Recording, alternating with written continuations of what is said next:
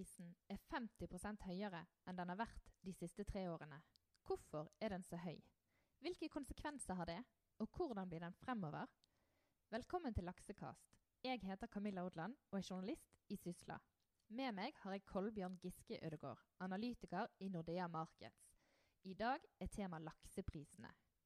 Kan du si litt om hvordan lakseprisen er i dag, og hvordan det nivået er sammenlignet med sånn som det har vært historisk?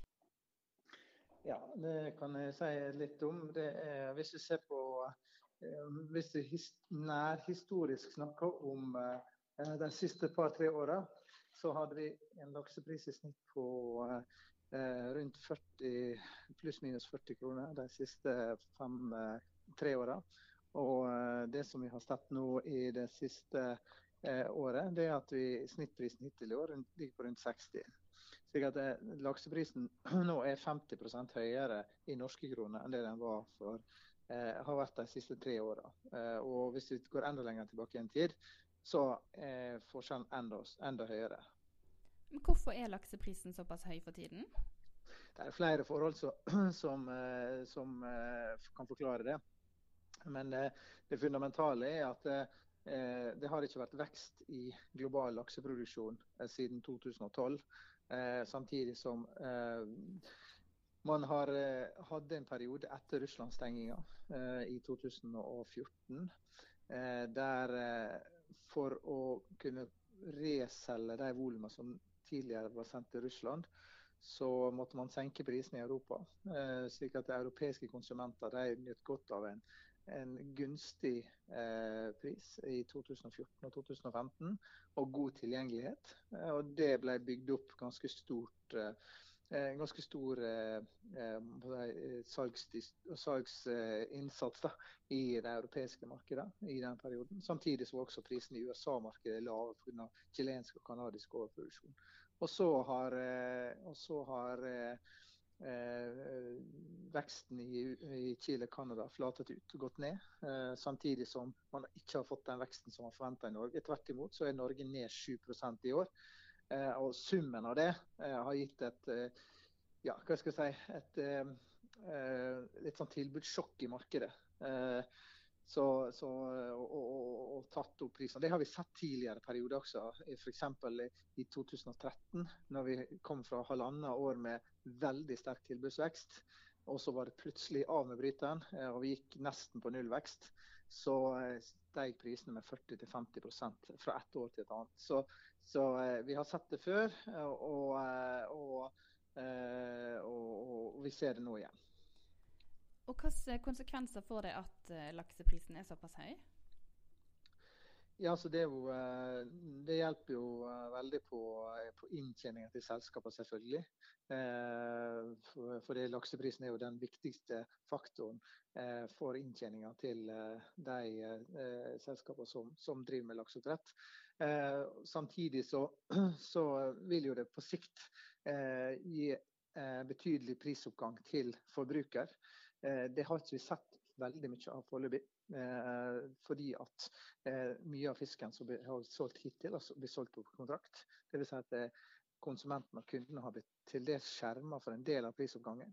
Det vil ikke vare for evig. I løpet av fjerde kvartal nå så vil mye av kontraktsporteføljen som har vært altså fisken som var solgt på lave la oss si på, ja, på 40-tallet i pris, mens spotprisen har lagt i snitt på over 60, den vil bli reforhandla eh, til det nye prisnivået. Da, eh, da, da, vil egentlig hele verdikjeden oppleve den prisoppgangen som man hittil bare har sett i ferskmarkedet. Eh, men hvordan vil de høye prisene påvirke etterspørselen etter laks? Ja, det er jo, så langt så har man jo ikke sett noe altså De høye prisene har ikke lagt noe demper på kjøpsinteressen ute. Eh, og Det blir jo av mange tolka som at etterspørselsbildet er sterkt. Og Det er jo på mange måter riktig. Eh, samtidig så eh, jeg tror jeg man skal vente til man har eh, fått priset opp eh, hele produktporteføljen og forbrukerne eller eventuelt retail-kjedene Eh, restaurantene virkelig har, må begynne å betale høyere pris, eh, og kanskje sette opp prisen ut til konsument, eh, før man konkluderer hvordan markedet tar det her. Men det vi kan konstatere, er at skal det her prises opp ut til konsument fullt ut med 50% prisstigning, kanskje 60-70% i enkelte segment, så er det en, en betydelig prisøkning. Og så vet vi at industrien er kreativ. Man eh, lager gjerne litt mindre porsjoner, man, eh, man, lager litt mindre forpakninger, slik at man, man forsøker å eh, dempe av det her eh, ut mot konsument. Eh, laks kommer til å være eh, kanskje det viktigste sjømatproduktet i Europa også de neste åra. Det er ikke det det kommer an på. Det er ikke sånn at laksen forsvinner fra butikken eller forsvinner 100 fra restauranter. Men, men, men men det vil være en del segment som, eh, som nok vil slite med å, å, betale den nye prisen på laksen den dagen de får den regninga for det. Ja, for Hvis det nå blir sånn at etterspørselen minker for folk syns det er for dyrt, eh, hva kan konsekvensen da bli? Eh, så lenge tilbudsbildet er sånn som det er nå, så er det helt uproblematisk. fordi at eh, Foreløpig så, så, så, så, har man eh, rikelig med alternative marked å plassere den laksen i. Den store trusselen på det her kommer først den dagen du kommer med vekt, ny vekst på tilbudssida. Det er jo ingenting som tyder på at man får det de neste par åra, så, så, så, det er ingen, ingen, fare med det. Men eh, det er klart den dagen det kommer ny tilbud, ny tilbudsvekst, eh, så, så eh, hvis man da har priset seg ut av Da er man avhengig av eh, markedssegment med lavere betalingsvillighet, som tar større volum for å få det her til å gå i opp. Hvis de er ute, og det tar litt tid å få de i gang igjen, så, så er det klart at det da er konsekvensen at det, du får et prisfall. I hvert fall for en periode. Det, det, det er sånn eh, normal prismekanismen i egentlig ethvert marked. Marine Harvest overrasket nylig markedet med å varsle at de får mindre samlet produksjon i år enn det de tidligere har indikert. Eh, hvordan påvirker det prisene? Altså, eh, Marine Harvest guider jo ned produksjonen sin. og det, eh, sånn som Vi ser det, så altså, vi, vi, hadde jo forventa at det kom til å komme. Eh, at eh, Marine Harvest, fordi når vi så på volumguidingen til Marine Harvest opprinnelig, og så på hva man forventa at markedet generelt skulle øke med, så, så, så, var det en mismatch. Og Det er jo den mismatchen som, eh, som, som nå viser seg i de nye oppdaterte volumguidingene. Det er fordi at eh, høsten har utvikla seg mer krevende biologisk enn det eh, Marine Harvest så for seg når de eh, rapporterte sine tall i august. Eh, og eh, man har hatt en veldig mye mer krevende situasjon i Midt-Norge. Og man har hatt også det her flytta seg nordover til Nordland eh, i, eh, i, i, i tredje kvartal. Og man har også for første gang på mange år hatt luseproblem i region sør, altså i Agder, da, for Marine Harvest. Sånn at Marine Harvest sin volumguiding er nok bare et symptom på det som ellers har sett i markedet. Som allerede lenge før Marine Harvest var ute med sine tall, eh, eh, så hadde jo forprisen for eh, 2017 eh, klatra med, med ja, rundt 20 eh, bare i løpet av en måneds tid. Så eh, markedet hadde nok vært den der før Marine Harvest kom med sin oppdaterte volumguiding. Men tror du andre oppdrettere i samme situasjon at de òg vil få lavere produksjon enn det de har varslet? Eh, ja, så vi ser klar risiko for at eh, de oppdretterne som har mye eksponering i Midt-Norge, og det er jo først og fremst Lerøy og, og SalMar, at det, det, er en risiko på nedsida i forhold til deres eksisterende volumguiding. Det er helt klart. Og Er det noe som da kan gi eh, høyere laksepris på sikt? Altså, det at man guider ned, er jo bare et symptom på det markedet. Altså de, de, de høye prisforventningene som allerede er i markedet. Det at det er nedguiding i volum. Eh, for jeg, altså, jeg blir overraska hvis ikke markedet nå forventer at, det, det, faktisk kommer en lavere volumguiding. Jeg vil ikke tro at markedet blir sjokkert. Verken laksemarkedet eller aksjemarkedet blir sjokkert om, om Lerøy og SalMar kommer med en revidert og noe lavere volumguiding enn det de har eh, per i dag. Da. Ja, så, så, så, de prisene man ja, allerede har meldt inn, de har på en måte det innebygget i seg? Ja, altså jeg tenker at eh, den, de forventningene som er for neste år i forhold til slaktekvantum eh, er, og nå, nå, er det ingen som har guidet for neste år ennå. Eh, Førstemann ut her var jo Marine Harvest. Eh, sånn at eh, Volumguiding for neste år er jo, vet vi jo ikke noe om for de, de ulike selskapene. Det, det, som på en måte er avvik her, det er jo eh, i forhold til eksisterende volumguiding på 2016. Eh, så det, det, er mer det man snakker om. Og der, Det er såpass kort tid igjen av året. Det er jo tross alt bare to og en halv måned igjen til, av, av, året. Så, så det vil, det vil Altså juleprisene, desemberprisen, novemberprisen er jo allerede skyhøye i, i framtidsmarkedet. Så, så det, det, ligger allerede. Så det er vanskelig for å se for meg at man skal sjokkeres veldig mye der. Da må, da, da må det da må det en, da, da, da må det en dramatisk volumguiding, eh, negativ volumguiding til. Eh, og det, det, tror jeg ikke kommer til å komme. Og den guidingen du snakker om, det er selskapene som varsler hvor mye de tror de vil produsere i løpet av en periode? Ja, så De børsnoterte selskapene de eh, har et estimat. Eh, enten fullårsestimat, og noen har til og med per kvartal, på hvor mye de planlegger å slakte. og Det kommuniserer de til markedet. Også når de kommer ved neste kvartalsskifte, så eh, avstemmer man det i forhold til virkeligheten. Og så kan man justere opp eller ned da, eh, sin volumguiding for det året man er inne i. Mm. Og Når tror du veksten kommer igjen?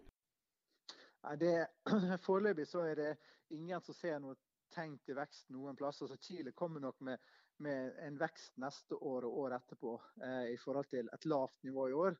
Eh, I Norge så er det vanskelig å se for seg noen vekst av betydning. Eh, neste år. Eh, og det Vekstutsikten i Norge det beror veldig på eh, i hvor stor grad man er i stand til å løse luseutfordringene. Knekker man koden og klarer å holde lusenivået nede uten å, at det går bekostning Problemstillinga er litt av grunnen til at det er for lite fisk og mindre enn forventa, og at de store selskapene må guide ned på volum er dessverre for industrien eh, at fisken dør. Det svinnet går opp, eller svinnet holder seg høyt. Eh, og eh, fisken spiser dårligere. altså Man får dårligere fôrfaktor. Man fôrer mye, men man får mindre fisk ut av hvert kilo fôr. Og fôr er den dyreste, eller den, mest kostbare delen av, den største delen av kostnadskurva til bedriftene, eller kostnadskomponentene. Eh, ja, for det er jo også sånn at produksjonskostnadene har økt samtidig som eh, lakseprisen har økt. Og en del er bekymret mm. for at oppdrettsnæringen skal gå på oljesmellen, altså få så høye mm. kostnader at produksjonen ikke er bærekraftig. Eh, hva tenker du om det? Jo, det tror jeg, altså den, den parallellen er, for meg er ganske åpenbar. Når, når kostnadene nesten har doblet seg i løpet av en tiårsperiode, så, så er det klart at det er et helt og, og, og, det ser ikke ut som på en måte det flater ut, det ser heller ut som det akselererer. Uh, og, så på en måte, sånn så Vi var jo bekymra for kost for et halvannet år siden, men da var det mest, det var det mest utviklinga på fôr, eh, og eh, effekten av en sterk dollar som, eh, som var eh, hovedfokuset vårt, iallfall. I dag så er det mer fundamentale ting. altså Det, det er ting som ikke snur med eh, altså Fòrkostnadene vil nok gå ned hvis krona styrker seg og dollaren kommer bli billigere. Eh, eller at det skjer andre ting i råvaremarkedet som gjør at prisene fortsetter å falle der. Eh, men, men, men, men den, den, den, sterkeste driveren nå Eh, er jo eh, det som skjer rundt biologi. Det, det med svinn, det med fòrfaktor, eh, det med at man investerer tungt i rensefisk, i medikamentell behandling. Det er en hel ny industrisektor som vokser fram.